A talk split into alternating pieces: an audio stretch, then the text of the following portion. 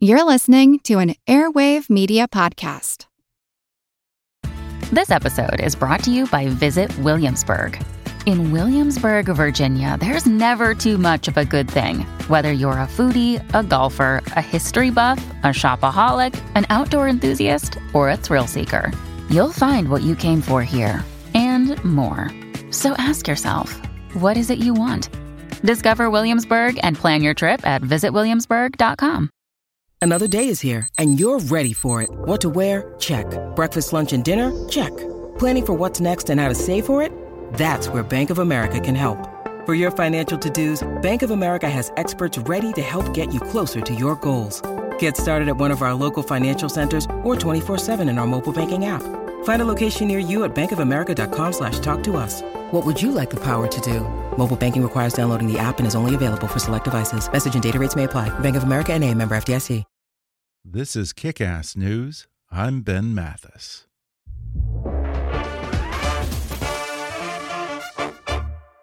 Hey, folks, I want to tell you about a great company that's doing a lot of good in the world. I'm so proud to have them as a sponsor. It's called Black Rifle Coffee Company. In 2014, Evan Hafer and Army Ranger Matt Best founded Black Rifle Coffee Company to combine two passions developing premium roast to order coffee and supporting the veteran and military community. With the Buy a Bag, Give a Bag campaign, BRCC donated over 30,000 pounds of coffee to troops overseas in 2019, and they currently employ over 200 veterans. Visit blackriflecoffee.com slash kick and use promo code KICK for 20% off your purchase. That's blackriflecoffee.com slash kick and promo code KICK for 20% off.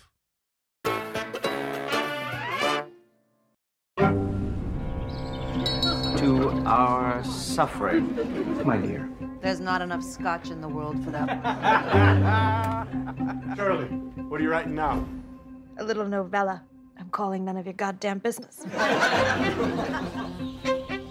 well, you were invited to stay here for a few days until we can find a place. Shirley has these bouts. She's gone sick in the head. I read your story. What are you doing in here? It made me feel thrillingly horrible. What are you up to? That girl, what do you think? Trite and a bit trashy, but uh, yeah, give it a go. I feel like we're in the Scottish play, on the verge of madness. What will happen? What becomes of your dear heroine? What happens to all lost girls?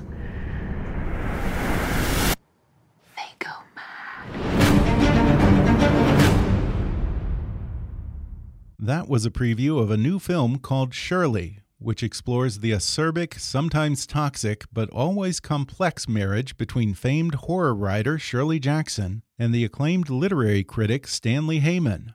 It stars Elisabeth Moss as Jackson and Michael Stuhlbarg as her philandering husband. And today, Michael Stuhlbarg joins me on the podcast to talk about that complicated relationship, how Stanley Hyman influenced Shirley Jackson's work, and how the filmmakers of Shirley imbued the movie with a distinctively Jackson esque style.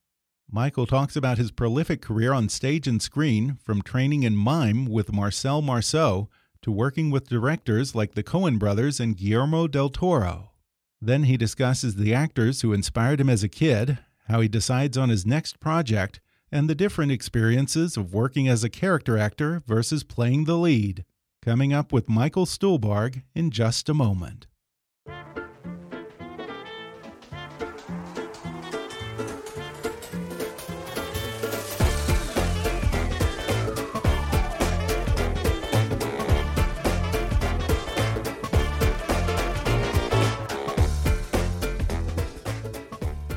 Today I'm talking with the brilliant actor Michael Stuhlbarg. You know him from Boardwalk Empire and Fargo and movies like A Serious Man, Lincoln, The Post, Trumbo, and The Shape of Water, just to name a few. Now he stars as the husband of horror writer Shirley Jackson in Shirley, which comes out on Hulu Video on Demand and participating drive ins June 5th. Michael Stuhlbarg, welcome to the show. Thanks, Ben. Nice to meet you. Well, Michael, I have been a fan of your work for years, and you are one of a very small handful of actors who I can rely on as a heuristic of sorts for whether a movie's just going to be great. Um, you're a hallmark of quality, I have to say. And well, thanks. I don't know. Yeah, maybe we just have the same taste in movies and TV, but maybe, maybe so. Yeah, what do you look for when you're trying to decide on a project? Oh, geez, um, I have very little uh, choice about the kind of stuff that comes my way. I just try to make the best decisions based on what does come. You know, mm -hmm. so it could be something that makes me laugh or think or moves me, or something I've never done before or never thought of myself uh, to, to do. Uh, there's a great variety of things that could, for some reason or another, tickle me into wanting to participate. But um, I'm always grateful to have opportunities. Well, you certainly do seem to have discriminating taste when it comes to the projects that you oh, do. Thanks. I meant what I said. When I, I see your name in the cast of a movie, it's a sure bet that it's going to be a good film. And so Thanks, far, man. you've never let me down, including this latest film, Shirley. Thank you. Now, I want to ask you to take us back to your early years starting out in the business, or let's go back even farther than that to when you were a kid growing up in, I think, Long Beach. Uh, who were some of the directors and actors who you admired or maybe inspired you to get into acting? Um, I don't know about get into the business, but I admired. Uh, there were, you know, my staples were, you know, Robert De Niro, Dustin Hoffman, uh, uh, Meryl Streep, Anthony Hopkins, Derek Jacobi. These were people who bowled me over with what they could do, how they did what they did, their sense of humor, their passion, their their um, their gifts were extraordinary, particularly to me. Al Pacino, uh, those were people who, uh, Daniel Day Lewis, those were all people I admired uh, greatly and hoped that if I continued doing what I was doing, that I might get a chance to work with some of them. And uh, that's been a, a, a fantastic uh, element of the road that I've been on and getting to meet some of them and, and work with some of them. Um, uh, also, directors would probably the most um, those who, who had uh, uh, the most um, how would I put this? I guess profound effect on me as a young person was most likely Stanley Kubrick and Bob Fosse and Martin Scorsese. Those three guys, uh, in particular, made films that I was so sort of hypnotized by and would always watch when I had the chance to watch them, each for their respective gifts. I loved Mr. Fosse's theatricality and how he saw certain things, particularly his film Cabaret. And with mm-hmm. um, Mr. Kubrick, it was, gosh, uh, and, and you, Clockwork you started Orange, Cabaret on Broadway, I think, too, right? Pardon me? Uh, you starred in Cabaret on Broadway too, right? I was. I was in Sam Mendes's yeah. production of Cabaret yeah. back in 1999 oh, for about six months. Yeah. I was uh, took over for Denis O'Hare in the role of Ernst Ludwig in that story. It's a world I love, and um, I was so so honored to have been a part of that, to mm-hmm. get to mm-hmm. know Sam a little bit, and to get to know Mr. Kander as well, um, yeah. and to work with that remarkable group of folks. Um, well, Michael, I have to say, you have such a wonderful demeanor both on screen and off. You are so understated and gentlemanly, and so many of your roles exude this brilliant soft spokenness in the same way that Pacino as a young Corleone epitomized the quiet exercise of power. Where does that come from? Were you a soft spoken kid? Were you shy? It's funny. I never thought of myself as being terribly soft-spoken. It's sort of like, from my perspective, I I am me. I I talk this way, and you know, I in some ways I feel like I'm a loudmouth in in a lot of ways. Maybe it's just how I've been utilized or what the projects were that I've been working on. Mm-hmm. Uh, maybe it's just uh, my particular chemistry of where you know my parents were from and how I generally want to be in the world or how I am. Um, I don't know. It's it's. Uh, I like to remain open to the world. I like to listen, and uh, I guess connecting to people. I guess there's always a sense of respect about wanting to interact with Mm-hmm. people, and generally, I find it's best to do that in as gentle a, a manner Mhm. as possible. I guess that's a stab at the Yeah, yeah. Good advice for acting and life. it's an aspect I never really uh, uh, honestly honored as much as I should Really? have in my in my real life, uh, or in my training to do what I do. They're often, you know, in the theater, for instance, people are telling you about, you know, being able to fill up a space so everybody can Mhm. hear you. If it's a, you know, a, a large space, two thousand seats or whatever it is. So there's always an element to try to be able to fill large spaces with your presence or with your Mhm. voice. However, uh, with film and television, it's it's the opposite. It's almost as if you want to provide a change of thought, and that's as loud as it needs to be in some Yeah. cases. Yeah. And speaking of soft spokenness, I, I read that you actually trained with the mime Marcel Marceau early in your career. What was that like? I don't know really if you could say I trained with him, but I did. I spent a summer program. Uh, I won a scholarship to to meet him, to study with him, to learn uh, about the physical discipline that was telling stories without language. Um, and it was a fascinating summer. Uh, and uh, he spoke all summer long. He was quite loud, in fact really? uh, and a great, great, inspiring figure, uh, and a, and a gentleman, and and funny. And um, I learned I, I did not have that kind of discipline, or didn't really wish to pursue that kind of work as much as I preferred um, doing other things. I wonder, are there things that you picked up in mime that have made you a better actor? You know, it's funny if you watch anyone who's good at what they do, particularly in any art that is a physical art, they have mastery over their whole body, Mhm. every element of how they could express themselves. So I wouldn't be surprised if having a great awareness of what your instrument can do uh, serves anybody, honestly. Uh, Mhm. That's what those folks were studying. That's what I tried to open my mind to. And it was amazing to watch people tell stories without language, completely with their body. Uh, it just wasn't where my heart Yeah. was. Well, and not many people other than Marcel Marceau can make a decent living in mime. I will say this I can certainly see the influence of mime in your acting because you are a master of subtle expression. You're one of those actors who can say more with one raised eyebrow than most actors can say in a whole page of dialogue. Oh, thank you. Uh, now, I guess you had been working in theater for years, but your big break in film was, of course, the Coen Brothers' A Serious Man. I, I just love that movie. It- Oh, it's such a great expression of what the Coen Brothers are.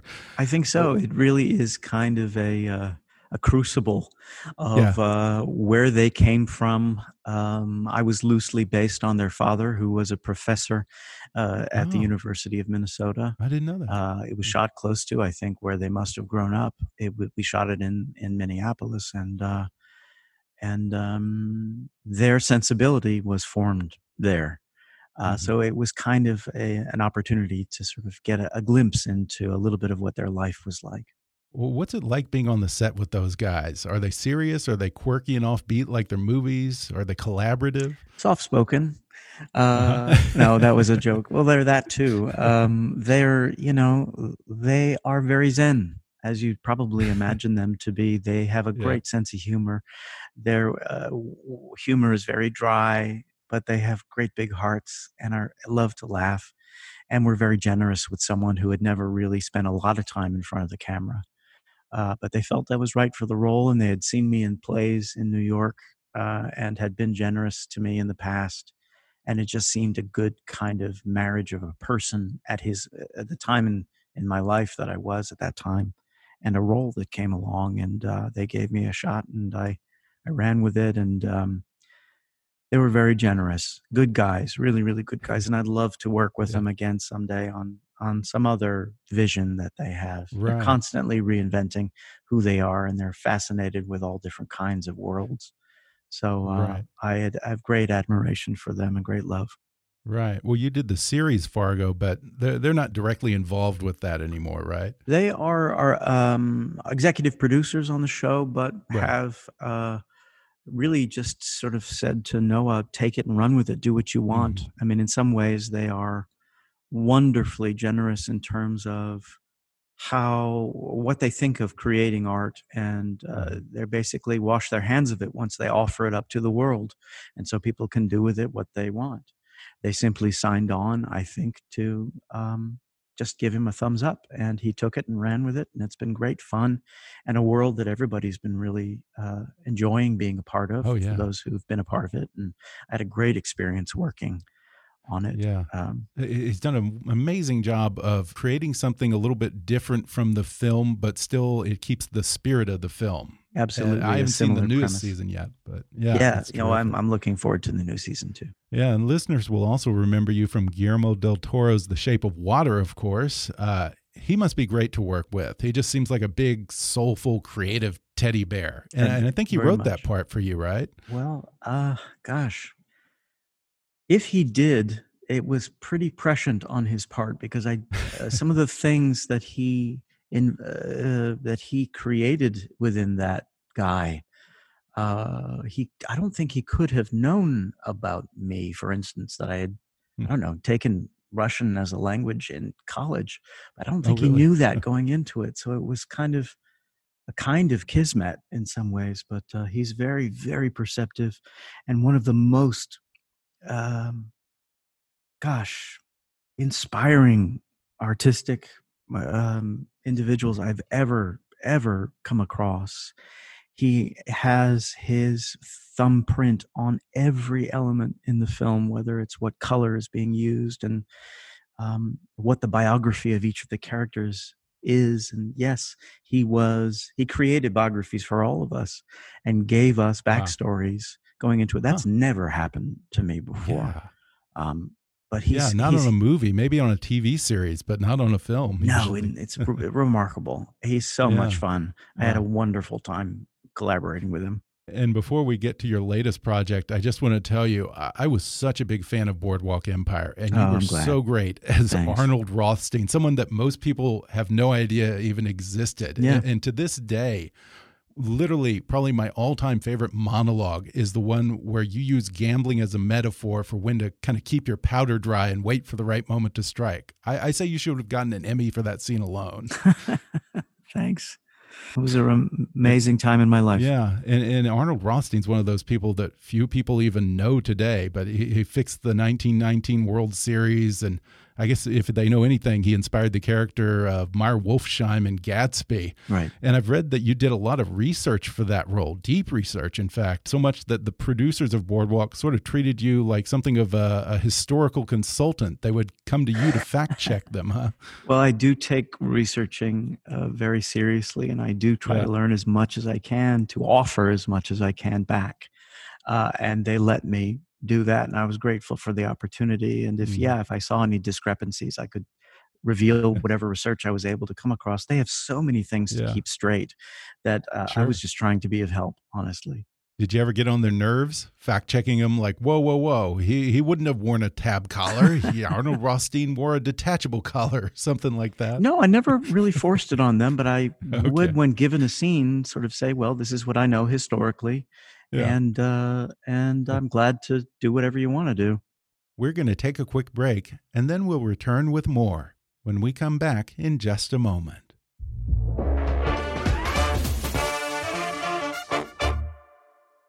Maybe you've been thinking about how you can make a greater impact in your profession or in the world.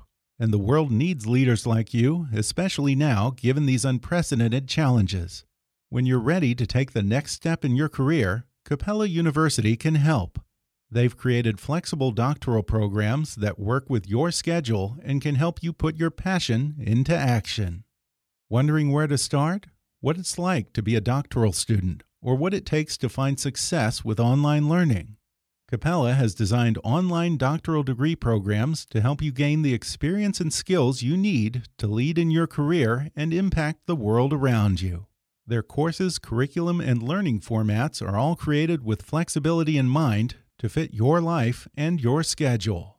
The world needs leaders like you. When you're ready, Capella is here to help you take the next step. Learn more by exploring available programs and scholarship opportunities at capella.edu/doctoral. That's c a p e l l a dot edu/doctoral. You have played so many historical figures over the years uh, George Yeaman in Lincoln, Abe Rosenthal in The Post, Edward G. Robinson, Lew Wasserman, and now yeah. this latest movie. Do you always do that kind of deep dive into a person when you play a real figure? Uh, as much as I can, depending mm upon how much time I have to do research. I think it just it serves everybody for me to know as much about you know my story behind the scenes as mm-hmm. possible mm-hmm. whether we it's used or not is a whole other you know kettle of fish but uh, uh that's okay because yeah. it grounds me in the best possible way to mm-hmm. at least provide what i think is a viable uh, perspective on who these mm-hmm. people mm-hmm. were so you're not one of those actors who wants to come to it as sort of a blank slate and no preconceived notions about a character, huh? Well, I guess it depends on the circumstance because if mm -hmm. it's mm-hmm. a fiction, you know, I've got to even in those instances, uh, it it serves me, I think, to create a backstory, mm -hmm. uh, or in the case of playing someone who really lived, to know as much about them as you can, and then on the day you show up as blank of a slate as you can, knowing yeah. what you know. And in your latest film, you played the husband of famous Gothic writer Shirley Jackson, played by the brilliant Elisabeth Moss. Yeah. Had you read much of Shirley Jackson's work before making this movie? No, not a bit of it. Uh, um, I had, I'd known some titles of hers, but I had never made it uh, uh, to reading them, or uh, in some cases, I think there had been a film at that time made of The Haunting of Hill House, among other films that have right. recently uh, had a kind of renaissance. Uh, her her her material is is being uh, I think optioned all over the place, which is wonderful. Uh, it's a, a new a brand new world for people to learn about, which is terrific. But no, I didn't know anything about her. Did you read any of her work once you got the role in this? Yeah, movie? absolutely. I I really did another deep dive in this occasion. Um, uh, I thought we were playing the real people, and then I soon found out that our screenplay was loosely based on a novel that was also fiction. Uh, so it was almost like, I guess you could say, twice removed from the truth, at least. Um, yeah. And we create a premise and use it as a jumping off point mm. of Shirley and Stanley um, hosting a young uh, professor at their home in Bennington, Vermont. Uh, and uh, what happens when Shirley, in particular, has written a very famous short story called The Lottery oh, and oh, yeah. uh, becomes instantly uh, uh, an overnight sensation and doesn't really know what to do with the notoriety. And it kind of, the, our story takes place in that middle period when she's trying to figure out what to do next after mm. the uh, benefit of attention, but the unwelcome uh, aspect of it as well people know Shirley Jackson as the author of The Lottery, as you mentioned, and The Hangsaman, The Bird's Nest, The Haunting of Hill House, mm -hmm. uh, a number of great literary works of the 20th century. And she's come to eclipse her husband, Stanley Hyman, but he was quite well known in his day as well. Tell us a little about him. Within his circle, yes, absolutely. A very yeah. well known and respected literary critic. Yeah, and also a jazz critic, right? Yes. Uh, yeah, he was funny in that he was a literary critic who was very vocally critical of literary criticism. Indeed. Yes. he was the literary critic of literary critics. Indeed. yeah. From what I know about him, he was a bit of a rebel in the realm of literary criticism, if rebels exist in that field. Uh, he overturned many of the accepted critical methods of his day and created his own style of critical theory that I guess is still widely referred to today. Yeah, I think from what I remember about it, he gave himself very strict uh, um, guidelines in terms of what he thought criticism was, and he adhered mm. to those. And he was also pretty influential in music circles. He was a big jazz critic, and we actually get to see that in the film with some of the records that he selects to play at home and in his class.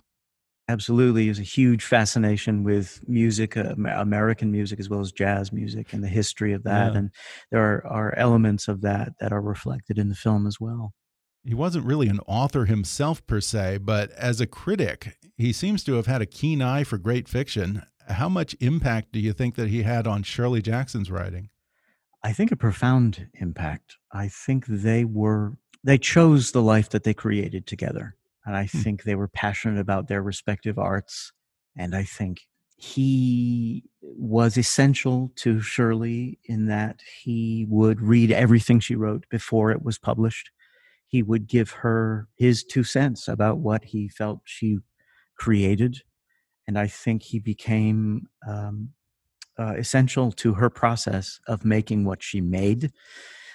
That said, uh, I think he had a huge appreciation for her gift and could not do what she did. So I think he was as in awe of her as she may have perhaps reflected back at him. So they had a great sense of having that or being that for each other. Mhm. Uh, a soundboard and um, I don't know, they're kind of, you know, two peas in a pod, I suppose, or dependent upon each other. I really enjoy the complexity of Stanley and Shirley's marriage because it's funny. On one level, it's easy to say that it's a volatile and codependent relationship. I mean, what could be more toxic match than an author and a literary critic? Right. But, but in a weird way, they also seem to really get each other in an almost telepathic way. Absolutely. What do you make of that relationship? Absolutely. I think that's uh, that is part of the magic, I think, is that there was so much water under the bridge in terms of their history at that point in their lives, or at least where we thought we were playing it from, Mhm. uh, that they could read each other's thoughts, could answer each other, you know, could uh, uh, uh, uh, end each other's sentences, and um, were two halves of a brain, perhaps the critical half and the artistic half. Mhm. Um, and that was a wonderful thing to uh, mine in terms of uh, the physical life or how we could man- manifest that uh, or sh- show that physically one way or Mhm. another. Really fun, really, really fun. Oh yeah, and it's a very interesting power dynamic between those two because I guess they met when he was her professor at Syracuse and she was a student. And yet he's also somewhat of a slave to her in the sense that at least as he explains it, his job is to keep her alive and to keep her Well, I- writing. Yeah, well, in some ways, I think she she was suffering through all kinds of things, uh, and Mhm. I think he understood that, and I think he wanted to help in the best ways he could to perhaps shake the dust off to uh, bring her back to life when she became um, paralyzed somewhat Mhm. uh, with fear uh, about what was happening in her life, about her agoraphobia, not wanting to leave the house. And he tried to, I think, serve her by, I don't know, putting a fire under her somehow or another, provoking her to get up and and and and find her way. I think they Mhm. relied upon each other for that. I think, I think he was better because she was in his life. I don't know if she was better because he was in her life, but. I don't know. The boundaries were well known and understood in terms of, for, for instance, his infidelity. She knew about it. He told her about it, and she accepted it for what it was and didn't apparently. Uh, uh, it was an accepted part of their relationship, but um, they knew what they were getting with each other. I think, and I Yeah. think he could help her achieve what perhaps she had doubt she could do, or at least he could help her by believing in her as much as he did. And there is sort of a diabolical aspect to their relationship in that they both have this keen understanding of human psychology and how to wield that as a weapon. They take a perverse pleasure in sort of pushing people's buttons. Hmm. And in that respect, the film kind of reminds me a lot of a Shirley Jackson book. Yeah. There's this real sense of psychological torture and that turning of the screw. I wonder, was that part of the idea to infuse the film with some elements of Jackson's writing? Absolutely, I think Really? that was one of the entrance points for ja- uh, for Josephine, uh, uh, uh, in terms of in, imbuing the experience of watching the film as if you were inside one of Shirley's stories in some ways. Uh, very much so. Her her visual language is very dream-like, and it was an interesting experiment to combine a very literary, verbal, highly verbal text with a very uh, poetic, dreamlike visual vocabulary. And I think that was part of what the fun was of the marriage of those two things Mhm. uh, in telling this story. I think she wanted very much to for people to to have that experience that you weren't just meeting the real people, you were putting the real people in one of their stories. Yeah, there's a lot of Jackson esque elements in the movie, especially the way that it gets into the minds of the characters and moves so fluidly between reality and imagination.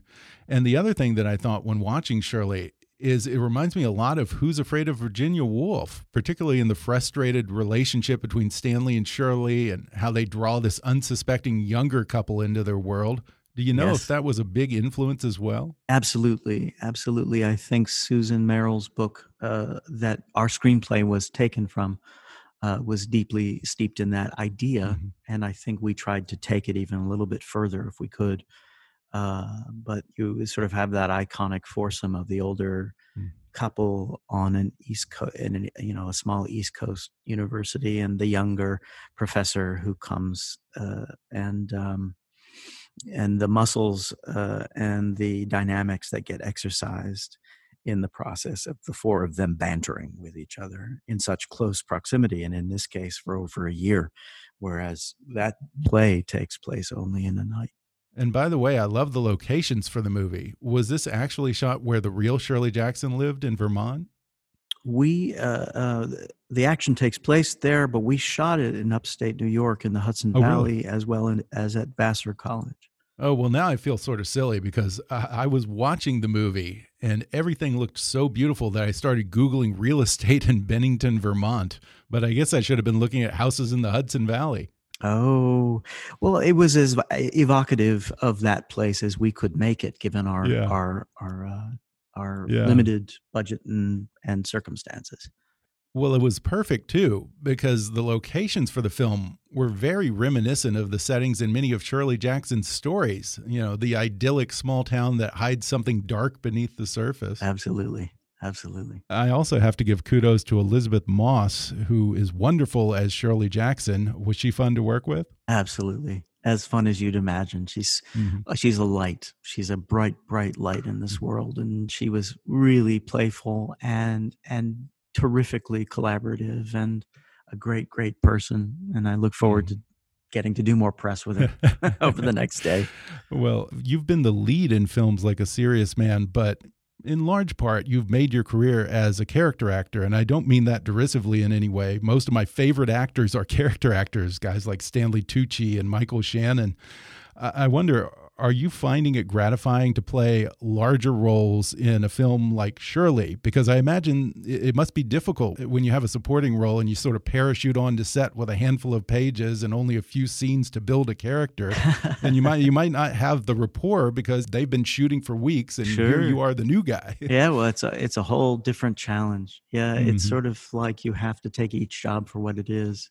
Mhm. uh, and um, um, yeah, in some ways, it's like you have to step up and hit a home run, uh, given whatever the opportunities are. Whereas if you are present for the film or on camera uh, for a lot of it, in some ways, you get to watch the events unfold and perhaps can choose your moments in a much m- more um, uh, with a, with a little bit of a, a, a- a greater sense of of what the a longer arc would be, as opposed Sure. to coming in and Sure. making a point. Sure. Um, both are challenging, and both are are um, are um, have been have been uh, wonderful uh, to try Yeah. to do. When you're considering doing a movie, does that factor into it? Do you seek out larger roles over supporting roles, or is it just entirely about the character, regardless of the size? you kind of take everything into your purview and you sort of feel can i add anything to this can i Mhm. can i uh, offer what they're i think they're looking for uh, what would be really fun to do um, how much time do i have to prepare for what they're asking me to do uh, Oh, interesting. um, all of those things go into making choices about things or would i be repeating myself can i Mm. can i m- can i use this as an opportunity to explore something i've never done before or open people's eyes about what my capabilities are uh, Mhm. all of those things are going into my thoughts about w- what what uh, opportunities have to offer you Mm. make the best cha- uh, choices Yeah. you can and and put your heart into it and see what happens. And sometimes it works. Well, before we go, real quickly, what's up next for you? Do you have anything in the can before the coronavirus hit? yes and no. Um, in some ways, it kind of interrupted something I was shooting. I'm in New Orleans right now, and I'm uh, Oh.